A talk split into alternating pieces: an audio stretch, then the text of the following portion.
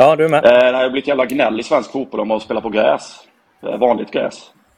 Mm. Vi har jättefördel av det. Folk kommer till Södermalm. eh, Vi ska vara på, spela på gräs där och de gnäller varenda gång att de ska spela på gräs och att det är dålig plan. Och, men ja, det har blivit jävla otyg i svensk fotboll. Den är lite...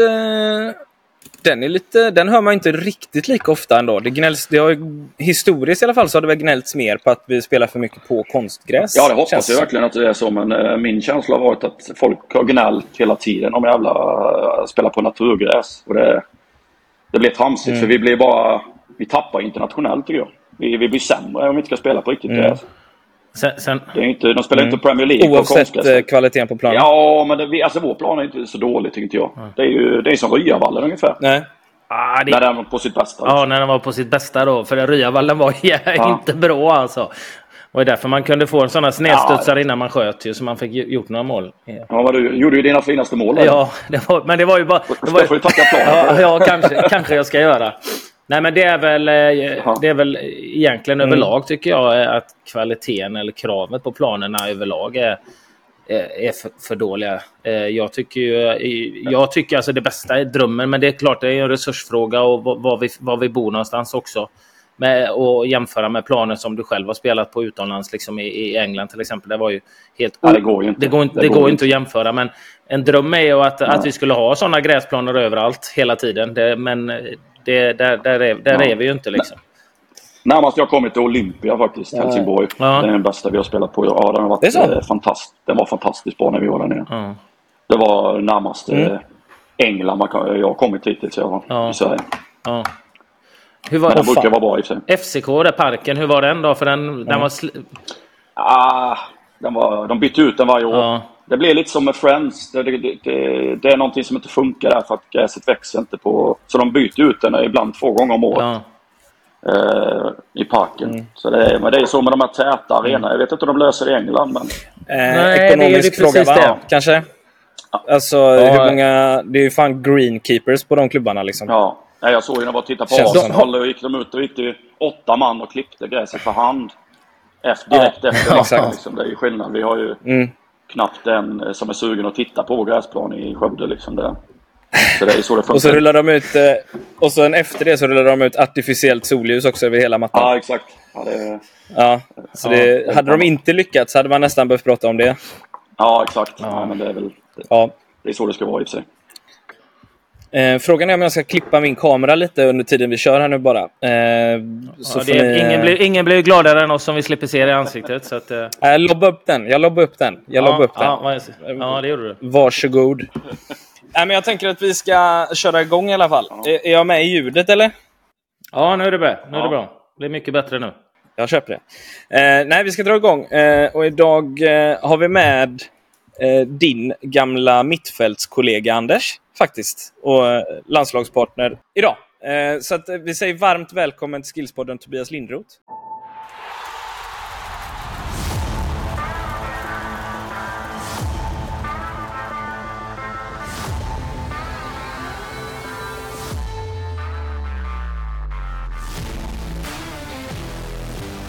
Tack så mycket. Tackar. Otroligt roligt att ha det här. Inget jubel den här gången, Anders. Vad händer? Nej, jag var, jag var, det är så många minnen som kommer upp och så tänker jag på liksom... Ja, dels så tänker jag på när vi hade en tränare i Elfsborg som eh, petade oss båda två och satte en mittback som mittfältare och sa att de två kommer aldrig bli någonting. Och Vem? Så, men det starkaste... Eh, det behöver vi inte prata om. Jag tror de flesta ser, kommer ihåg vem det var. Men, Ja, men sen kommer jag ihåg en trä... Ja. Nej, men det är skitsamma. Men vi kom... Sen kommer jag ihåg en träningsmatch. Var det mot Korea? Ja. När jag, när jag tappade, tappade lite. Ja, herregud. Det var, det var en jäkla resa. Korea Ja. också. Korea fyra dagar tror jag. Vi skulle möta Korea och vi fick inte tag i dem. Och Anders han tappade Nej. efter halva matchen. Jag ska Nej. inte säga vad han sa på planen heller. Men... Man kan säga att det blev ganska fysiskt spel i alla fall efter det. Eh? Nu Ja. jävlar ska de få åka. Ja. Jag fattar det. Nej, men Jag de, fattar eh, de, de, var, de var väldigt små och kvicka och vi kom inte riktigt in på dem. Och jag tyckte att när vi väl tacklade dem så var de eh, väldigt lipiga också. Så nu sa jag nu jävlar ska vi kötta dem. Ska vi smälla på lite? I någonting i den stilen. Ja, vi var hyfsat eh, jet- jetlaggade också var vi. Ja, vi var trötta. Det var en Ja. ja. pissresa var det. Men, Ja. mm. Ja, Men jag tror inte jag blev utvisad, även om jag borde ha blivit kanske. Alltså, Nej, du kom inte åt dem så tur var. Ja. Nej, då? var för långsam. För långsam. Annars åkte dit. Ja. Anders har ju alltid klagat över sin speed egentligen. Fast du har sagt att du, du var snabb på 5-6 meter eller någonting. Och det var det du behövde. Ja, jag vet inte. Eller? Jämfört med de här korean, koreanska spelarna så var jag långsam på fem meter också tror jag. I alla Ja, fall i det den tror jag med. Det tror jag med i och för sig. Du eh, Tobbe, sjukt roligt att ha dig med som sagt. Eh, jag tänkte vi skulle studsa in lite på det vi brukar surra om i den här podden. Eh, och vi, jag tänkte nästan att vi börjar ju lite och gå igenom din eh, smått fantastiska karriär får man väl ändå säga. Du har varit runt lite. Ja, det Eh, blir något men du, Ja. Eh, du började ju här nere där vi precis har flyttat in, i Sölvesborg och Strandvallen. Det var där det började, eller? Jajamän, Hällevik, eh, Strandvallen. Jag är uppväxt där. Eh, Så det blev Mm. Mjällby. Pappa var ju, var ju tränare också. Först var han spelare när vi flyttade ner där, så för där var han knät. Eh, Så då blev det att, man blev, att han blev tränare i först en mindre klubb i Kristianstad och sen tillbaka till Mjällby. Och så var det mycket uppväxt det. i, i omklädningsrummet där nere på Strandvallen. Ja, Banorna. jag fattar. Du, eh, jag vill komma in ganska tidigt på, för du lämnade för Holland ganska, som, som väldigt ung egentligen, va? Ja, jag skulle ju börja gymnasiet där i den åldern. Så jag var Ja. 16 gick jag ut Feyenoord och började ju spela i IFK Hässleholm i division 1 södra. Eh, Mm. det halvåret innan där och sen dök de upp, eh, var intresserade Feyenoord och så tänkte jag det skulle vara roligt att testa på. Mm. Och hur var upplevelsen där? Vad var liksom de stora skillnaderna och vad tar du med dig därifrån? Ja, den var ju tufft var det ju. Man upp, eh, I och med att man fick uppleva det senare, proffslivet senare utomlands så, så Mm. kunde man ju se likheterna med hur, hur det var då. Men för mig som 16-åring, komma från Sverige, eh, tryggheten i Sverige och, och komma till Holland där det var, var en proffsmentalitet redan i den åldern. Det var ganska tufft eh, var det. Eh, Mm. Och sen var det väldigt mycket fokus på fotboll, eh, nästan för mycket. Mm. Det fanns ju inte tid för någonting annat egentligen. Eh, Nej. vi åkte runt. Eh, vi blev hämtade på morgonen och så åkte vi och tränade och sen var det skola på dagen och sen tillbaka till träningen och sen hem. Liksom. Och så spelar Mm. man i två lag oftast. Eh, Mm. I eh, ja, juniorlag och i, i eh, U21-laget där. Eller B-laget vad de kallar det. Så det var ju mycket Mm. matcher, mycket fotboll men som 16-åring så kanske man vill ha lite mer. Plus att jag hade jättehemlängtan också. Jag var ju sugen på att komma hem sen. Ja, just det. Mm. Så det blev ett år där, eller? Drygt? Nej? Det blev bara ett halvår. Eh, Jag kom Halvår. faktiskt hem på julledigt. Så sa jag till mamma och pappa att jag kommer inte flytta ner igen. Alltså det finns inte en chans. Nej. Utan jag ville vara kvar i Sverige. Och då, då snackade jag ju med min gamla klubb IFK Hässleholm och sen dök ju Elfsborg upp. För farsan hade ju flyttat till...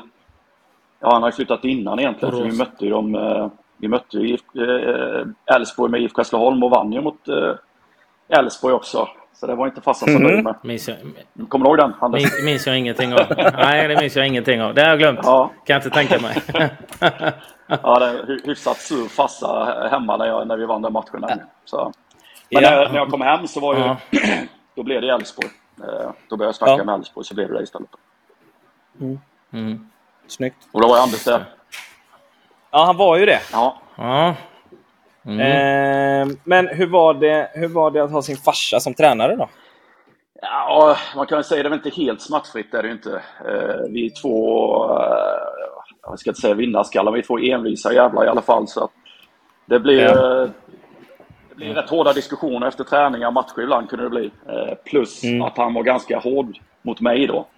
Eh, Kände, Mm. kände jag i vissa lägen. Han kunde vara väldigt tuff. Liksom. Man, fick inte, man fick inte alltid så mycket beröm. Eh, utan det var mer Nej. kanske saker man inte gjorde så bra. Eh, som man fick höra hemma Mm. vid köksbordet. Eh, Mm.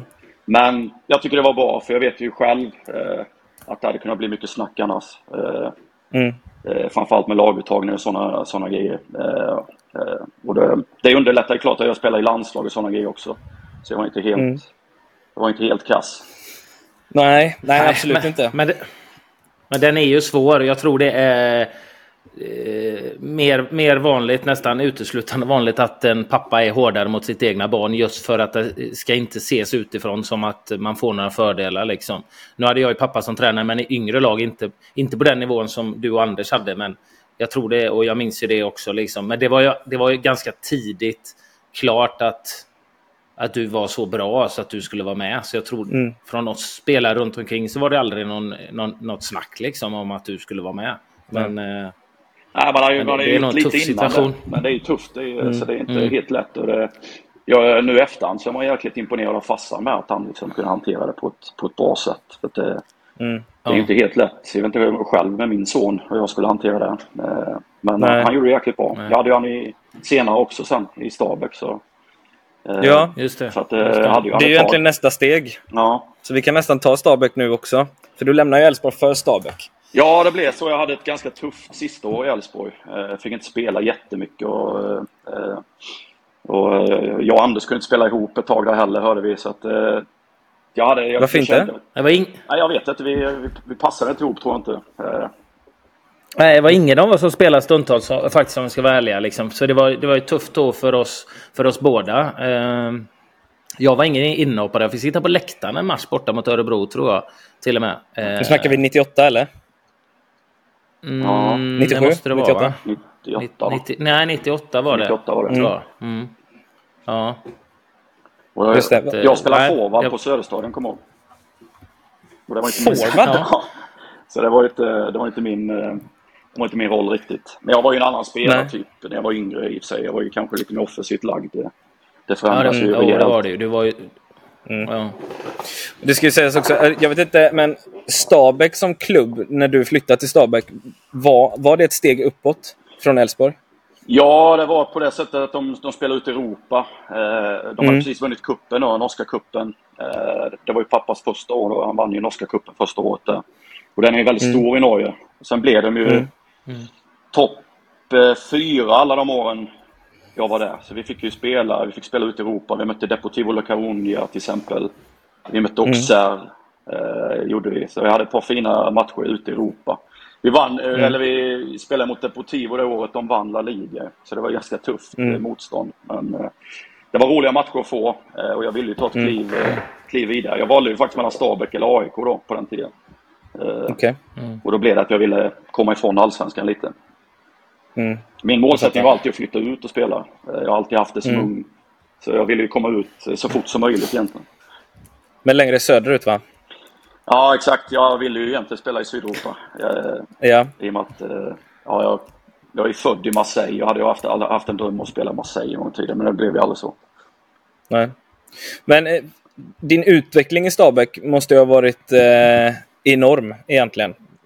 För att du hamnar ju sen i Premier League Ja, och Everton då. på den tiden så var det ju lättare att gå från de skandinaviska ligorna till de stora ligorna skulle jag säga. Framförallt i Norge. Norge, England var ju en connection. De hade ju, det var ju mycket spelare som hade gått den vägen. Eh, Mm. Halva Liverpool var ju fyllt med norrmän eh, eh, till exempel. Eh, så att det var lättare och det fanns ett par agenter som samarbetade med, med Premier League-klubbar. sådär. Eh, men det hände mycket. Jag kommer ihåg det första. Jag fick ju, på den tiden i, i Norge så var det ju väldigt fysisk fotboll. Det var ju lite Premier League eh, light kan man väl säga. Eh, det var fysiskt, eh, två meters gubbar, eh, mycket fysiskt spel, tuffa dueller, mycket boll i luften. Man fick ju anpassa sig till, till den typen av spel i Norge. Så jag fick ju lägga på mig 5-6 kilo tror jag jag la på mig på den försäsongen. Alltså bara muskler. Ja. Ja. Mm. så att eh, det var, man fick göra det snabbt och man fick lära sig spelet snabbt. Eh, Så spelade vi Mm. kanske lite annorlunda fotboll. Det var väl vi i Rosenborg. Så spelade lite annan Mm. typ av fotboll än vad många andra norska lag gjorde. Eh, fa- Farsan hade ju sin, sitt sätt att se fotboll och sen hade ju Nils Arne Eggen i, i Rosenborg som spelar sin, sin klassiska Rosenborgsfotboll där. 4-3-3 och Mm. inre löpare och eh, ja, spel, spelare på spelare i längdriktning och allt vad han kallade det då. Så det var, just det. och sen hade du ju Drillo som hade landslaget. Så det var lite olika skolor i Norge då. Så det var rätt intressant. Ja. Mm. Men du kunde plocka med dig mycket där utbildningsmässigt då eller? Ja, verkligen. verkligen. Man fick ju, I och med att jag inte var den största spelaren så fick man ju lära sig snabbt. Eh, eh, dels bli tuff och vinna dueller och bli fysiskt men också bli smart, liksom komma undan. Undvika situationer som man kanske inte skulle sätta sig i. Liksom. Nej, jag fattar. Jag fattar.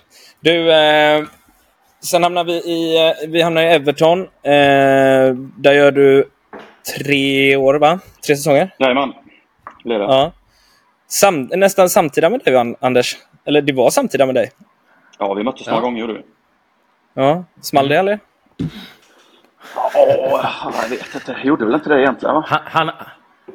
Nej, jag tror, Niklas spelade där också samtidigt va? Ja, Jeppe Blomqvist var ju där också i början. Just det. Just det, just det. Ja. Så vi Var ett Everton ett bättre var, lag eh, än Southampton då va? Jag har kommit till Ja. ett lag som Ja, var det i var det. botten. Första... Mm. Gjorde ni det? Ja. Så det var, det var ett jäkla profilstarkt lag. Det var ju Gassa, David Ginola, Ja. eh, Duncan Ferguson. Eh, och sen kom ju Wayne Ja. Rooney in sen eh, ett och ett halvt år senare Just på det. försäsongen. Så att det var ju ett profilstarkt lag liksom. Det var. Men vi låg ju Mm. i botten då. Eh, och sen då hade jag ju Walter Smith som hade köpt mig och sen två veckor senare så fick han sparken såklart. Så det var ju lite uppförsbacke direkt. Mm. Det är lite samma det resa som David dig Moyes Anders som kom sen? Va, vad sa du? Ja, exakt. Var det David Moyes som kom Ja, sen han kom direkt? direkt sen efter. Ja. Mm. ja, det var ju typ samma, samma för mig där. Han som köpte mig fick för sparken där eh, efter fyra, fem matcher. Så kom Gordon Strachan in. Lite, lite samma resa. Ingen Ja, aning om lite. vem man var där, så det blev Ja. tufft. Men, Ja.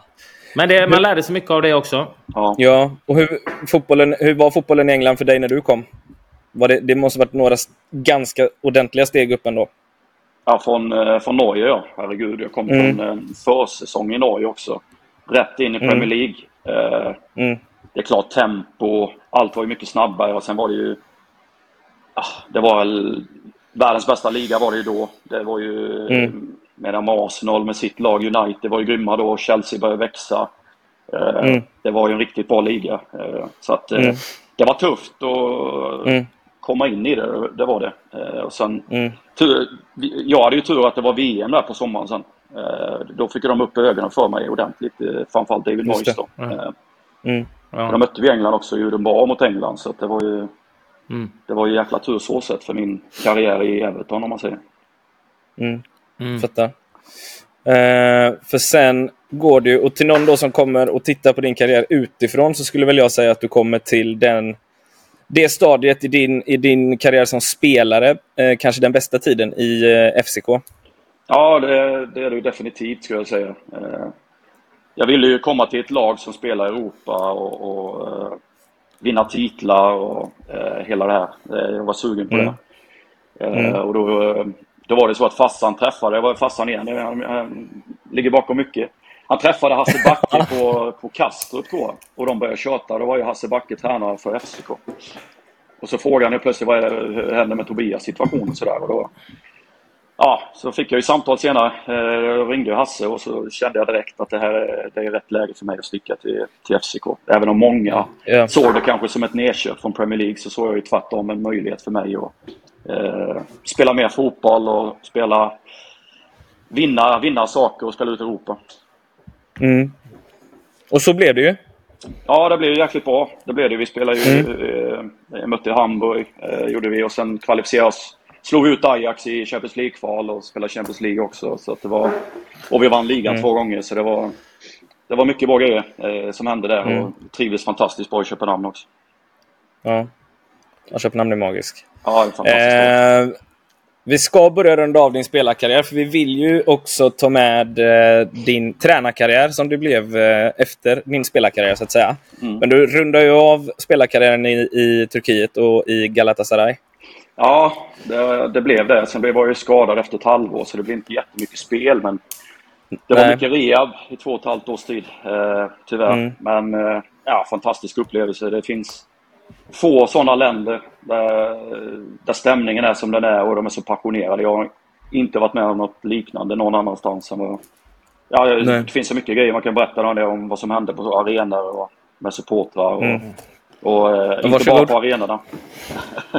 Nej, men de Ja, men det var, du, fick ett galna. skap, sk- du fick ett skapligt mottagande på flygplatsen också som är bland det rolaste jag sett. Ja, det- det- inte, du- inte du- riktigt bekväm med den. Nej, du känner mig ganska väl. Du vet att jag inte är jätte... Ja. bekväm med situationen. Nej, jag, tror inte, jag tror inte jag hade varit det heller. Men det, det var jävligt synd, för du började ju rätt bra, eller hur? Ja, spelat första halvåret och vi, vi Ja. ledde ju ligan och det gick jättebra för min del. Jag trivdes fantastiskt bra. Sen, Mm. Sen hade jag ju slitage i höften, så jag var ju stack iväg till USA och Mm. opererade den vintern där. Eh, Ja. Mm. Men eh, sen kom jag inte tillbaka riktigt efter det. Men vi vann ju ligan första året. Eh, då, då spelade jag ju första halvan. Eh, Mm. Så att eh, det var tråkigt. Framförallt kände man ju press på sig när man har köpt för massa pengar och sådär och liksom leverera och sådär. Så det blev, det blev tufft. Men eh, klubben och staden är ju helt fantastiskt. Det, Mm. Ja. det, är en- Hur var det mentalt att, eh, att jobba så? Mycket med rehab och skador och... Nej, det är tufft. Det är det. tufft liksom? Ja, Mm. Man sitter och tittar på träningarna mer än vad man deltar. Liksom. Det, Mm. för man ska ju alltid, och det kan ju Anders också säga, när man är skadad i en proffsklubb eh, ute så, så kommer man ju ofta in tidigare än, än lagkamraterna och så ska man vänta hela dagen till de är klara. Eh, och då Ja, får man åka hem. Så att man, det blir långa dagar som skadad spelare också. Man får sitta, sitta på anläggning hela dagen utan att kunna träna fotboll. Och det, det är lite knäckande ibland. Ja, det är ment- Ja. Ja, det är mentalt jävligt tufft. Och sen så fattar jag det som att alla vill ju spela också. Ja. Så vill man ju hjälpa till liksom. Och som du säger, om man blir köpt som en spelare. Vi svenskar funkar ju så liksom. Det är inte så att bara vi sitter här och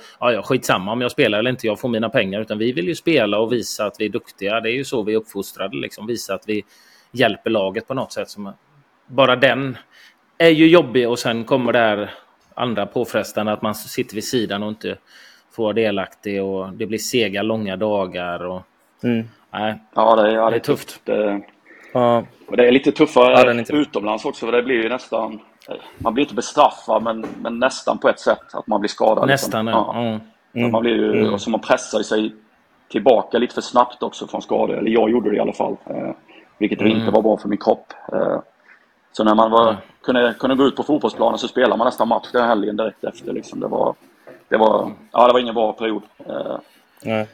för där var kroppen Ja, rejält. det, är ju näst, det, det är nästan dumt som du säger Tobbe, där, att man är, det är nästan för så var det ju i England lite, att du var nästan bestraffad om du var skadad. För de hade väl sett många som eh, ja, gillade att vara skadade. Liksom. Så att, Där inne, du fick ju inte, du fick inte göra någonting. Du var kvar längre än alla andra. Du fick massa behandlingar som var helt meningslösa. Du fick inte ha... Mobiltelefoner var ju inte superstort kanske, men eh, tidningar, ingenting Nej. liksom. För att det, och, och då blev det att man ville tillbaka så fort som möjligt. Och många gånger kom man tillbaka, gick man tillbaka för tidigt och då kanske man fick ett bakslag istället. Ja, exakt. Mm. exakt. Nej, det var ingen bra. Det var ju en ond Men cirkel inne där faktiskt, sista. Ja. ja. Ja, jag fattar det. Men oavsett så, så rundar vi av en fantastisk spelarkarriär med eh, bland annat då eh, två guld i Danmark, ett guld i eh, Turkiet och kuppen i Turkiet. Två VM, ett EM. ja, jag var med sista... Jag var med ett EM till, men då spelade jag inte en minut. Nej, just det. Det var Just ju Just I, i Österrike. Öst, nej, 2008, ja. Ja. Du var precis kom tillbaka från skadan där Ja, innan. Där. nej, jag var ju inte Mm. okej egentligen. Ja. Jag haltade Nej. fortfarande. Men, eh, ja, Ja, dum som man är. Skulle Du- man pressa på. ja. Ja. Du gjorde väl ett mål på, eh, på försäsongslägret eh, på Ullevi? Gjorde du inte Jo, det? Träningsmatch? jo, det där? så, så haltade du typ efteråt. Jag kommer inte ihåg vilka det var vi mötte, men Nej, jag minns kommer att du gjorde mål. var, men det var- Alla... Ja. Så jag kommer ihåg det, alla var glada liksom. Tobbe tillbaka, Ja. nu är jag i mål liksom. Och så. Men Ja, nej, det det var var- väl inte helt hundra liksom i kroppen. Nej, det var jag inte. Det var, Nej. det var fel av mig att vara med där egentligen. Men eh, ja, man lär sig. Men när, Mm. när, när under den här tiden, när du liksom började inse att du eh, kanske inte kommer spela så mycket mer. När började du känna att du ville bli tränare? Eller har du alltid känt det? Jag har väl alltid känt det, men när jag slutade spela så var jag jävligt trött på fotboll. Eh, Så jag behövde ja. ha... Ja, det blev ju nästan ett år.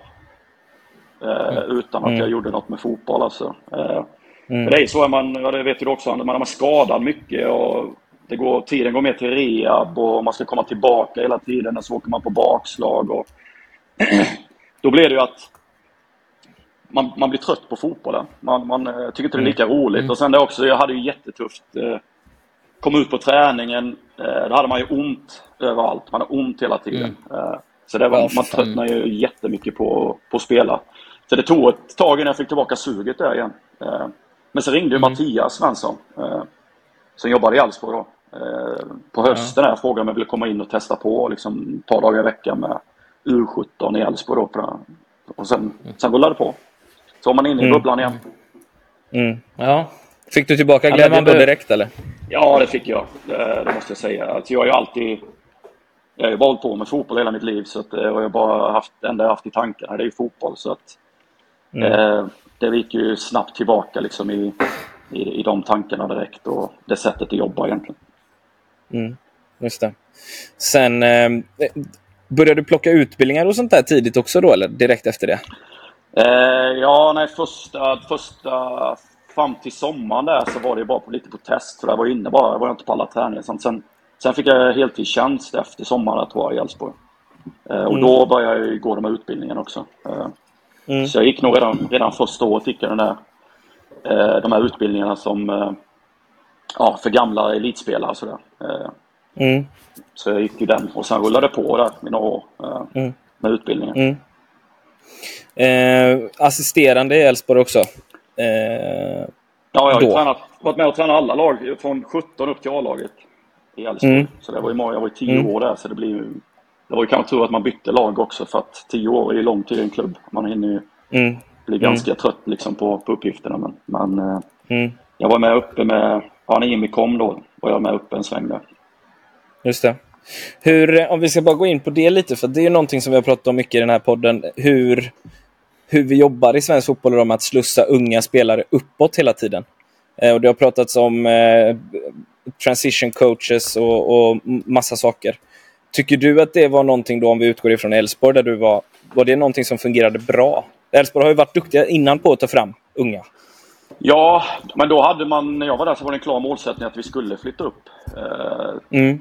Minst tre spelare i alla fall skulle bli uppflyttade och få känna på A-laget. Eh, mm. Så det var ju en klar och tydlig målsättning vi hade med, liksom, med ungdomslagen. Att vi mm. skulle få upp dem liksom, tidigt, eh, eller inte tidigt, i, ja, efter juniorålder. För att det, i Elfsborg då jobbade i alla fall med att man skulle gå och ta sina steg för att kunna ta sig, ta sig mm. upp i A-laget.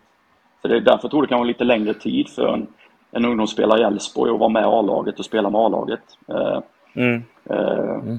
Och jag tyckte på det sättet var det ganska bra för att de, de kom upp och, och hade mycket kött på benen, hade fått vara med och mycket på vägen upp och hade gått sina steg där och spelat u och allt sånt där. Så att de var, gjorde det helt okej okay när de kom upp. Det är många som har gått den vägen. Som, en del som är kvar i klubben nu och en del som är ute i Europa och spelar.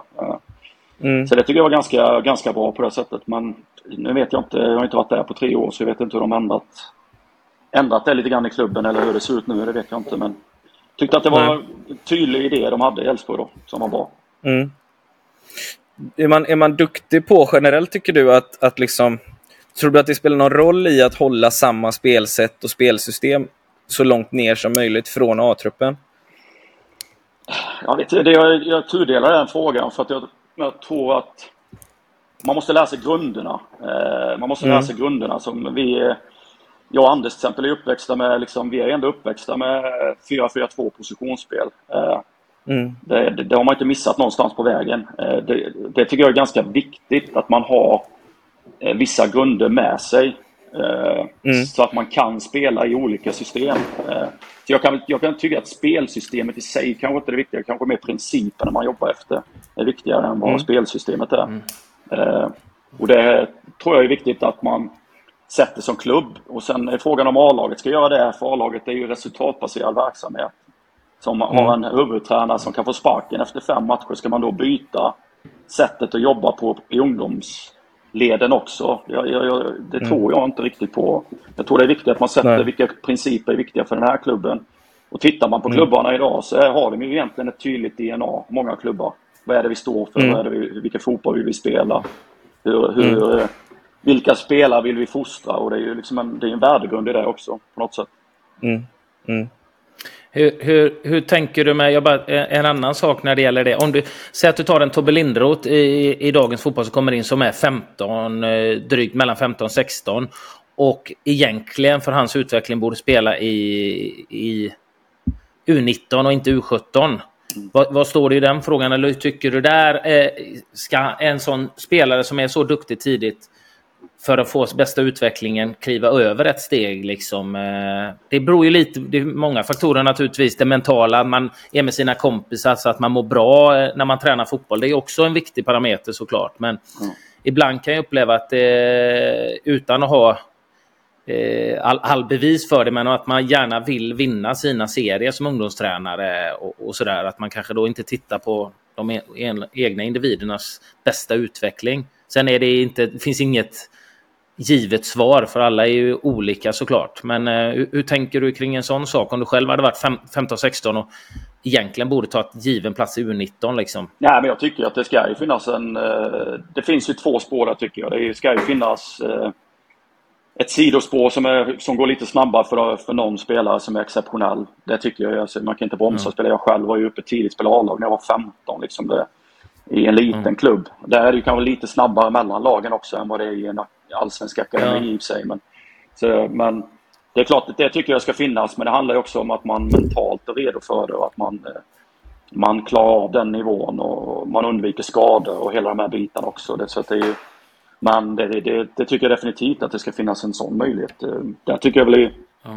i svensk fotboll att vi behöver hitta tillbaka lite till elittänket. Jag tycker att det har varit väldigt mycket tänk på att alla ska må bra, alla ska få vara med, alla ska få spela. Det tycker jag är en väldigt bra idé, men det måste också finnas möjligheter för de som är riktigt bra att utvecklas ännu mer. Att inte de blir bromsade mm. i sin utveckling. Det, jag tycker i svensk fotboll att vi, vi måste titta lite mer åt det hållet också. Att man, man kanske har två alternativ. Jag vet ju vilka problem i sig klubbarna kan ha med det där med föräldrar och, och ja, agenter och sånt som blandar sig tidigt och, och tycker att det är konstigt mm. att varför är den spelaren uppe och varför inte min son uppe och så vidare. och så vidare. Så att det, det kan bli mycket diskussion av det eh, som klubbarna måste hantera. Så är det och det, det, här, det är någonting, nu är du inne på någonting som jag brinner för, för också. Det har blivit en överdrift åt andra hållet. För att ni pratar om nivåskillnad, och då tränar jag ju min son som, ja, de, Kalle och Edvin är ju nästan jämngamla, det skiljer två månader på dem. Mm. Eh, men just det här att man pratar om att vi måste nivåanpassa liksom, i träningar och sådär, olika grupper, för de har kommit så otroligt olika långt. Liksom. Och direkt så slår ju föräldrar och folk ihop. Liksom, ja, men de jobbar med toppning och det är selektering, de får inte vara med. Mm. Alla, alla är med, alla gör samma övningar och sådär, men de mm. gör det inte tillsammans. Och det här med nivåanpassning tycker jag är jätteviktigt och jättebra för att alla ska kunna utmanas. Men det har blivit eh, så lite överdrivet som du är inne på. Att mm. eh, Det är nästan som ett, eh, en svordom, liksom, ett skällsord. Att nivåanpassa, det är ju för allas bästa. För då får ju de som ligger långt efter, som kanske mest vill spela fotboll en gång i veckan med sina kompisar och hålla i, mm. då får de göra det på sin nivå. Men de som brinner för det och vill, vill liksom bli så bra som möjligt, de får en möjlighet till utmaning också. Ja. Så att, eh, det har nästan blivit att man bara ser till de som ligger efter på något sätt. Ja. Och nivåanpassning tycker jag hjälper alla oavsett eh, vilken nivå du är. Liksom. Jag tror det är väldigt viktigt att man stimulerar alla. Eh, det, mm. det, blir, det, det, får ju vara så det får inte vara så att de, de bästa spelarna slutar heller för att de inte känner att de får tillräcklig stimulans. Liksom. Det, det, det måste vara tillräckligt... Eh, de måste utmanas hela tiden eh, mm. på den nivån ja. de är. Det är precis, li ja.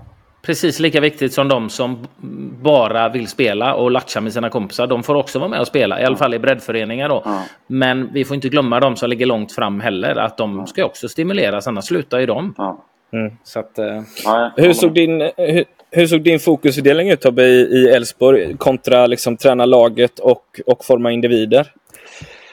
Eh, ja, det var väl... Eh, vi, vi jobbar mycket med individer. Vi hade mycket individuella samtal och, och sen Problemet vi hade lite då tyckte jag att det var ju lite resursfråga också för jag, ibland var jag ensam tränare eh, med väldigt många spelare. Då blir det väldigt svårt att fokusera på individen. Även om man försökte mycket sådär. Och, och, men det var mycket att försöka mm. få ihop övningar och sådär. Men, eh, man försökte fånga upp alla så, så mycket som möjligt såklart. Eh, samtidigt som man skulle forma ett lag. Eh, jag tror ju väldigt mycket mm. på, på att eh, man, spelarna måste lära sig fungera i ett lag först.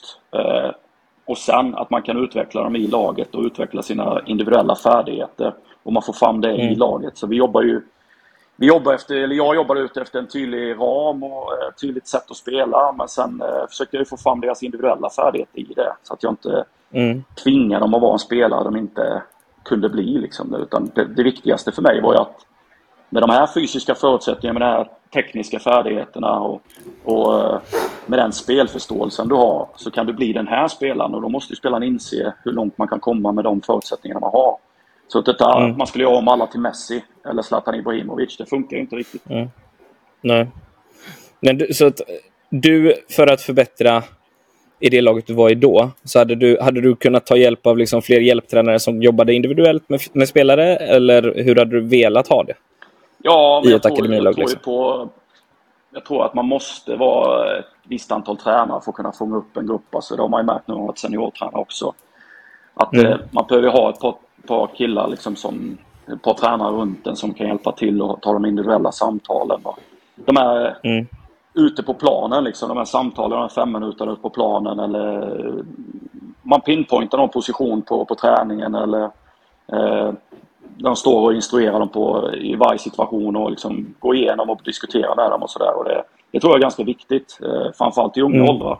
Dels för att man ska mm. skapa sin spelförståelse, vilket jag tycker är den absolut viktigaste egenskapen för en fotbollsspelare. För då kan man kompensera för sin bristande fysik eller bristande teknik eller vad det nu kan vara. Eh, så vet man mm. hur man ska hantera situationer utefter sina egna förutsättningar. Eh, och för att mm. jobba med den, då behöver man ju få dem att se situationerna som man själv ser dem. Eh, och då, mm. då måste man ju diskutera det. Dels visa med klipp och bilder men också ta det ut på planen när det väl gäller. Och det kan vara svårt ibland om man är en tränare bara. Mm. Ja, det är ju det som är det svåra. Men då tittar, tittar vi så är det kanske bättre nu än vad det var på om man tittar på din pappas tid och så där assisterande nästan tejpade och masserade också ja, liksom, ja, när jag kom upp på A-laget. Men, men just sådana saker att kunna pinpointa och bryta och gå in och visa. Eh, nu finns det ju tekniska hjälpmedel nu som inte fanns då, men ja. även under träning gå in och bryta, få dem att förklara skillnaderna i olika rörelser olika passningar och så vidare. Ja. tycker jag också är jätteviktigt. Men det är, det är ju svårt som du säger. Är man själv tränare och det är 25 spelare. Ja. Mm. Ska man göra övningar och så ska man ha koll på det. Det är ju ja, det blir, svårt. Det, blir svårt, det är ju en stor resursfråga. Ja. Mm. Mm. Hur, hur, ser du på att, eh, att ta hjälp av data eh, liksom som tränare i form av utveckling av spelare? Är det ja. någonting som hjälper? Eller? Nej, men det är viktigt. Det, är, det har man märkt att det blir mer och mer viktigt också. Eh, mm. Dagens spelare för det första förväntar sig nästan det. Mm. Att, eh, att man jobbar med, med klipp och, man jobbar med motståndanalys och egna analyser. Och, så det är viktigt. Är det. Mm. Eh, det är väl mm. någonting man känner att också, vi har ju analytiker och sådär i, i lilla Skövde till och med som, som jobbar med, med de här grejerna. Och, men det tar ju också tid för det ska ju, det ska ju klippas och så ska du sitta ner med spelarna och ska du visa klippen. Så det, det tar ju också tid och det är också en resursfråga. Eh, man kan kanske ha en... Jag vet att de stora klubbarna i Sverige idag har ju en specifik kille som jobbar bara med det liksom, och är med på träning mm. och allting och mm. kan lägga hela, mm. hela sin tid på det. Liksom, och det, det tror jag blir viktigare och viktigare. Mm. Om du, om du tittar på, på träning och sådär i, i allmänhet i svensk fotboll idag. Eh, vissa har varit inne på av våra gäster innan att vi tränar för lite. Vissa har varit inne på att vi tränar för mycket. Vissa säger att vi tränar på fel sätt. Och vissa tycker att vi tränar helt rätt idag. Var, var, var står du i den frågan? Oj, det är ju... Det var en lätt fråga ja, att svara på. Jag tänker att de, många som tränar väldigt olika. Jag tänker det är väldigt ja. olika. Jag tror att jag tror att många har kommit väldigt långt eh, ändå. Liksom I sin tanke hur vi lägger upp träningar och hur vi eh, ja, hur vi ser på, på träning och sådär. Det känns inte som att det, med skadebiten och sånt så tror jag vi ligger längre fram nu än vad vi gjorde på vår, på vår tid. Dels är det väl med underlag och sådana grejer mm. också kanske. Men, men mm. Eh, det tror jag. Sen är det ju... Man kan ju spela fotboll på ett bra sätt året runt i Sverige nu också. Det kunde inte, mm. det kunde inte jag göra när jag växte upp eh, på samma sätt. Mm. Så det är ju också... Så så sätt tror jag att att vi ligger, ligger bra till men eh, man blir ändå lite sådär, eh, vi, vi har tappat vissa grejer i svensk fotboll. Sen vad det beror på det vet jag inte men lite de här självklara grejerna som, som, som jag sa innan då med, med hur man skulle agera i ett lag, eh, hur man skulle försvara sig, hur man skulle förstå försvarsspel och utefter vissa grunder man hade. Det, det tycker jag är lite försvunnet i svensk fotboll. Eller, jag tror mm. det måste vi väcka upp på något sätt igen. Och det, det jobbar vi ganska mycket med i Skövde och har gjort över tid. Eh, eh, men eh, jag tror det är väldigt viktigt att man skapar en förståelse hos spelaren där att det här är, det här är positionsspel, inte markering och så vidare. Så att man mm. har grunderna med sig. För att jag märkte när jag kom ut och spelade fotboll i Europa sen var det lätt för mig att anpassa mig till lagets spel. Vissa vill ha markering, vissa vill ha positionsspel. Men det var ju lätt för mig att anpassa mig till lagets sätt att spela. Mm. Mm. För du hade fått den utbildningen liksom? Ja, exakt. Man har ju fått en bred, bred utbildning och förståelse. Ja. Mm. Mm. Bra förståelse för de olika sakerna, olika rollerna och allt. Men om jag, om jag lägger om Marcus rätt komplexa fråga där vad vi gör. Det är fan busenkel för fan. Ja, ja, nej. Men, nej, men någonting som, som, som några eh, spelare och andra har sagt just om man jämför då till exempel. Vi ser ju en del norska spelare till exempel som går från norska ligan och, och klarar eh, den lite högre fysiska intensiteten utom, utomlands mm. och känns mer förberedda än, än, många svenska spelare som, som jag upplever lämnar innan. De har ju kanske gjort en halv bra säsong i allsvenskan och sen ska de iväg och så mm. Eh, hamnar de i tyska andra ligan, belgiska andra ligan, kanske inte får spela i tuff miljö och så blir nedbrutna, kommer tillbaka. Eh, men är det någonting som vi skulle kunna bli bättre på i Sverige att träna, träna liksom med mer intensitet? Eh, Jag fattar att det kräver ju att har du bättre spelare på träningsplan så blir intensiteten högre. Mm. Men ibland har man ju pratat med vissa tränare, de är rädda för att det blir för intensivt på träningarna och skaderisk och, och överbelastning och sådär. Men att just öka intensiteten. För jag tror, vad, var det eh, Saletro som jämförde med svenska ligan, att han tyckte att när han spelade att hans teknik egentligen var bättre än de norska spelarna. Mm. Men i och med att det var lägre intensitet i allsvenskan så fick han ju tid att använda sin teknik. Och de i Norge hade en egentligen sämre teknik, men de var vana att hantera en högre intensitet. Och mm. Då klarade de belgiska ligan till exempel bättre än vad han, än vad han gjorde för att intensiteten var, var lägre i, i Sverige än i Norge. Då. Ja. Nej, men jag kan hålla med. Det, dels i norska ligan, även från, på min tid, det var ju, alltså, det var ju mer eh, Premier League, det var ju mer tuta och köra och det menar jag ja. inte Manchester City Premier League utan jag menar gamla ja. Premier League som vi spelar i Anders. Det var tuta och köra och det gick snabbt och det var tuffa dueller liksom. Och det är ju norska, norska fotbollen, det är mer omställningar helt enkelt. Mer omställningsfotboll. Mm. Eh, jag tror ju att vi tränar, som jag har tränat mina lag, det har alltid varit att vi jobbar, försöker jobba så matchligt som möjligt. Då kortar vi aldrig ner tiden på träningen mm. än att liksom jag vill inte ha några mellanmjölksträningar till exempel, utan det ska vara tuta och köra hela tiden och fart på det. Eh, jag tror det är lite innehållet i träningen som ibland, vi lägger väldigt mycket tid på, har gjort över tid i svensk fotboll, på att jobba med speluppbyggnad. Eh, mm. Och när man jobbar med speluppbyggnad, det kan vara utan motståndare men även med motståndare ibland, att, att det blir, det kan inte bli den här intensiteten i den som du får Nej. i andra typer av övningar eh, med omställningsövningar och så vidare. Så det, det gör väl att kanske tempot blir lite lägre och det tittar man ju på Allsvenskan idag. Det är väldigt många som har lagt mycket tid och fokus på sin speluppbyggnad. Eh, eh, där jag vet i Norge så var det mer fokus på vinna bollen, ställa om därifrån och då blir det lite, det blir lite snabbare fotboll, mycket mer. Det svänger lite mer, det blir mer intensitet, det blir mer duellspel, det blir mer kamp, det blir ett mer fysiskt spel helt enkelt. Mm. Eh, och jag har ju ja, haft en fight med domarna i Superettan nu i två år där jag tycker att nivån är för låg. Eh, jag tycker att vi måste höja nivån rejält för att vi ska kunna mäta oss internationellt också. För det har blivit ett otyg i svensk mm. fotboll att man lägger, lägger handen på en spelare och så lägger sig den spelaren och så får de frispark. Och det tycker jag också är någonting som mm. fördärvar svensk fotboll. För det blir ett ryckigt spel, det blir ett långsamt spel. Eh, folk hackar sönder spelet på ett sätt mm. som vi inte vill. Utan det ska ju var ett böljande spel med hög intensitet hela tiden. Och, eh, det tror jag är en stor anledning till att vi inte riktigt kan, kan hävda oss lika bra internationellt längre. Nej. Mm. Ja, det kan det. För det är just det som, som är, är oroväckande. Sen går det ju alltid sådär i perioder, men man blir ju lite orolig när man ser landslaget. Man lider lite grann med spelarna. Eller jag gör det, vet. Det, det är få förunnat att få, få vara med om mästerskap och mm. de här spelarna som är duktiga nu som, som missar. Men det, det känns som det är någonting som saknas. Och det Svenska landslaget och nu tittar man i juniorlandslag och så vidare också. Där jag fick något, något skickat till mig. Man förlor, man förlorar eh, de flesta matcherna mot Norge, Island och ja.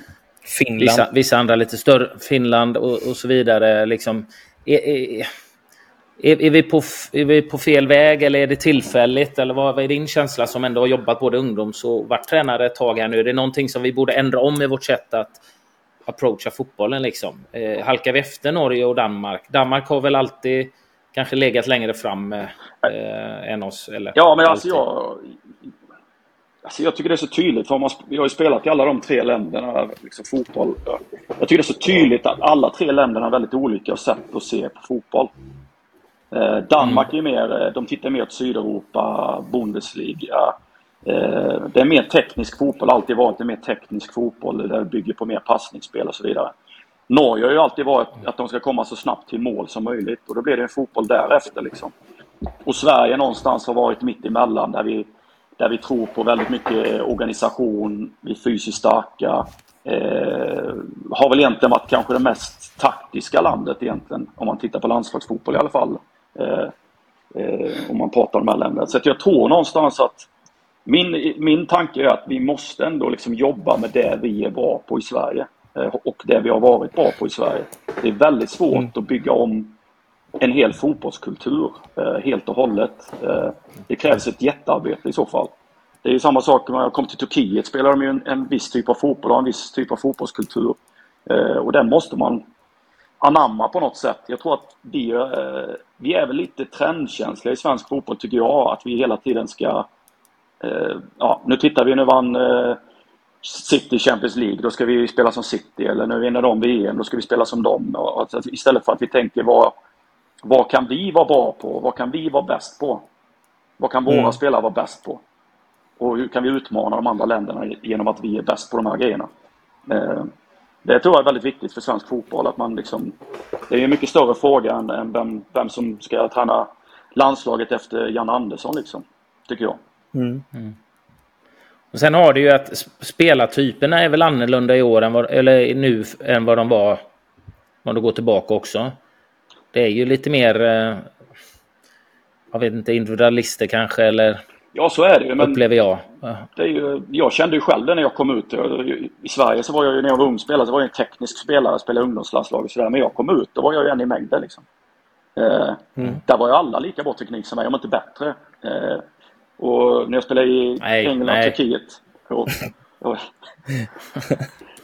men eh, då, då blev det liksom klart för mig att jag är ingen tia här ute utan det jag kan vara bra på det är liksom att jag, jag vet vad jag ska göra på planen och jag är fysiskt bra och jag kan passa bollen rätt. Liksom det, det, mm. det kan jag vara bra på här. Det kan jag ha en karriär mm. på här ute men ska jag vara en tia utomlands, ja, då försvinner man snabbt som svensk spelare tror jag i mängden. Och det, det tror jag många får uppleva också. Att eh, fan det finns ju spelare som är bättre liksom, på det, de, det jag är bra på. Liksom. Mm.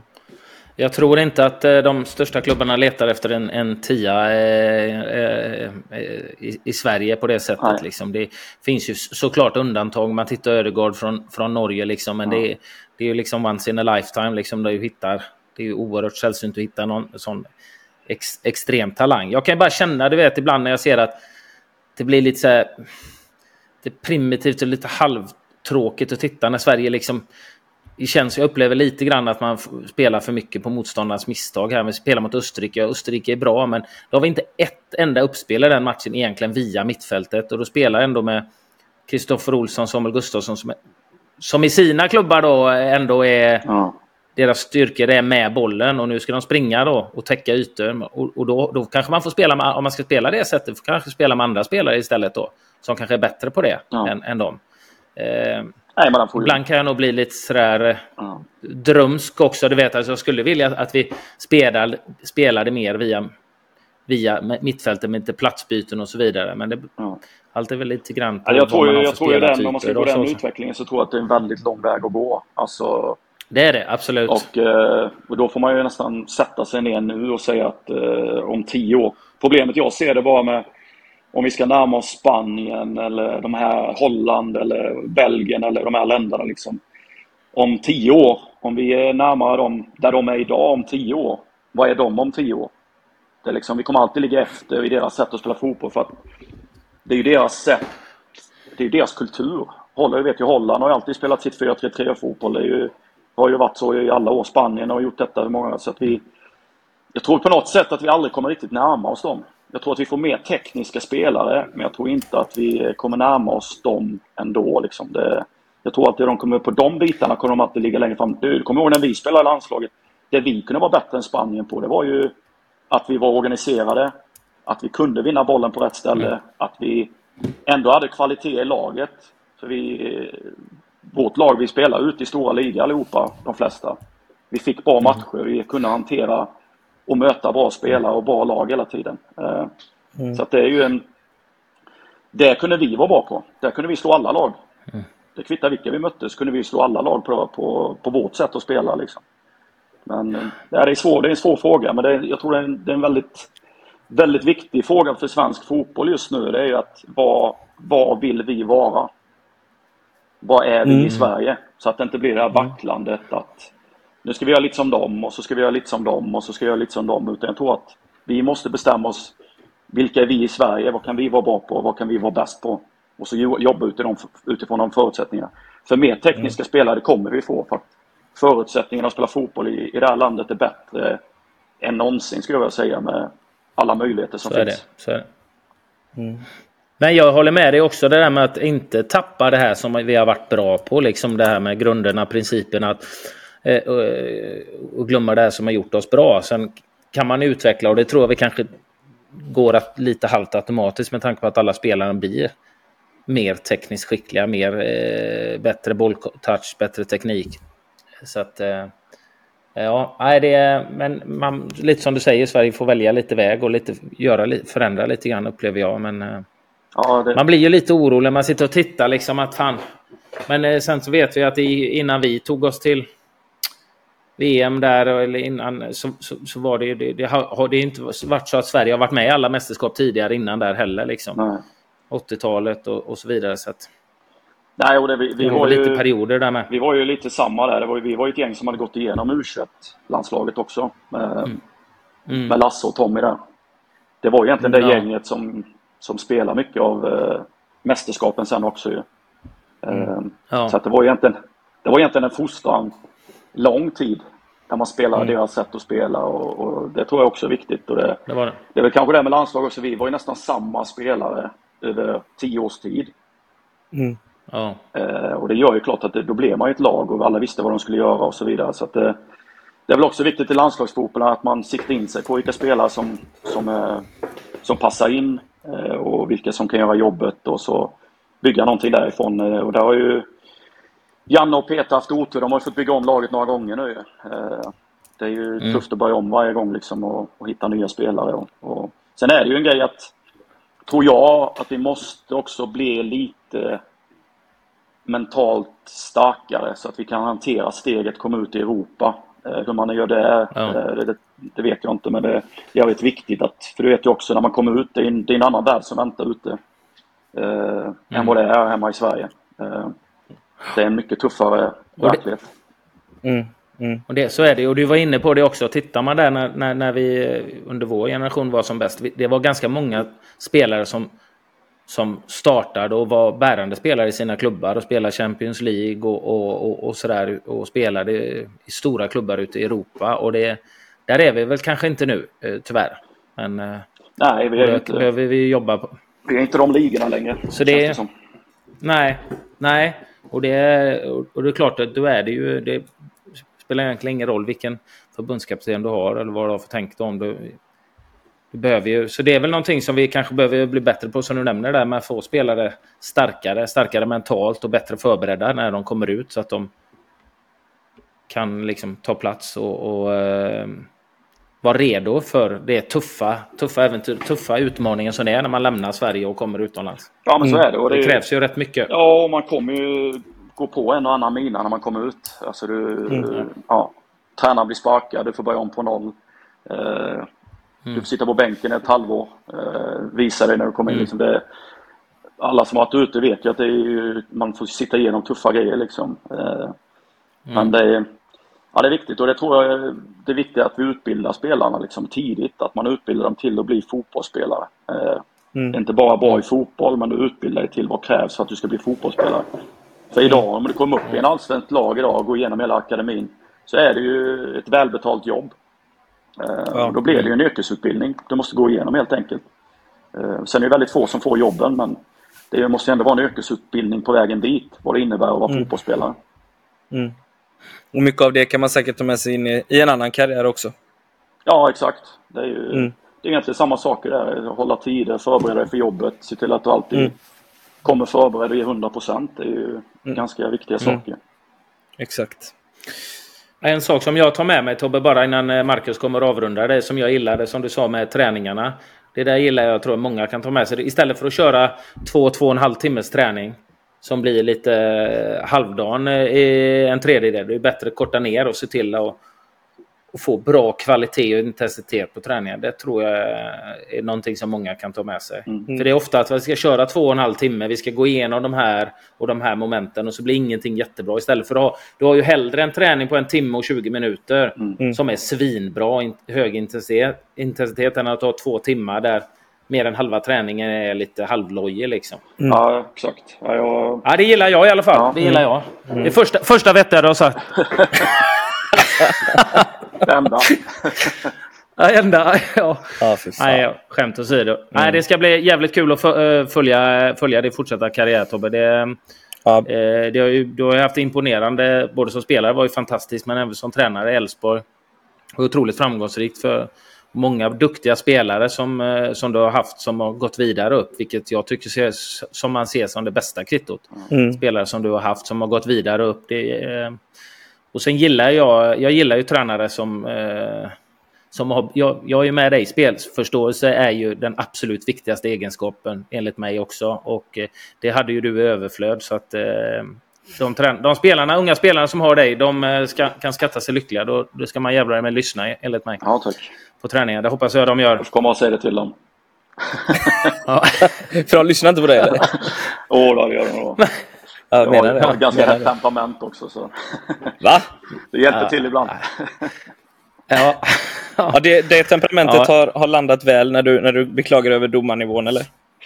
Nej, inte alltid. Det, det renderar ju en del kort, gör det ju. Det gör det ju faktiskt. En del avstängningar ja. också. Så det är dåligt att klaga, klaga på domare. Det tycker jag är så lågt. Liksom. Ja. Varför gör du det? Ja, du har aldrig exakt. gjort det? Nej, aldrig, aldrig klagat på ett domslut. Nej, aldrig. Nej, men de, är, de är fredade liksom. De, de kan klaga på våra prestationer och spelarnas prestationer. Men man får inte påpeka domarnas prestationer.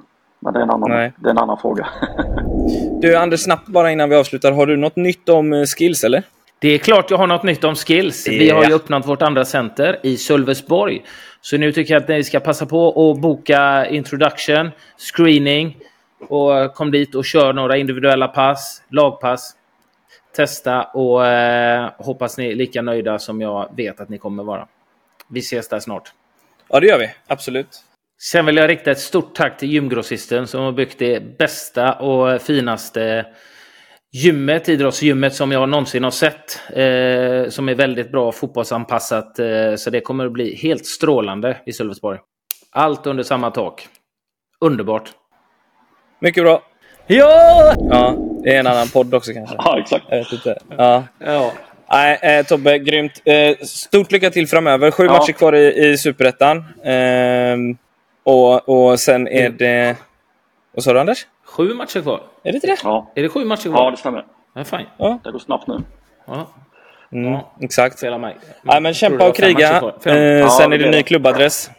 Ja, det blir det årsskiftet där så ska jag pendla åt ett annat håll. Söderut istället. Ja. Till Varberg. Just det. Just det. det Nej, Tobbe. Stort tack för att du var med och stort lycka till framöver. Ja, tack själva. Mycket bra. Eh, ha det gott. Stort ja, lycka till nu ikväll också och ja, framöver. Ha det gott. Ha det, ha det bra. Bra. Samma. Ha det. Hej då. Bra.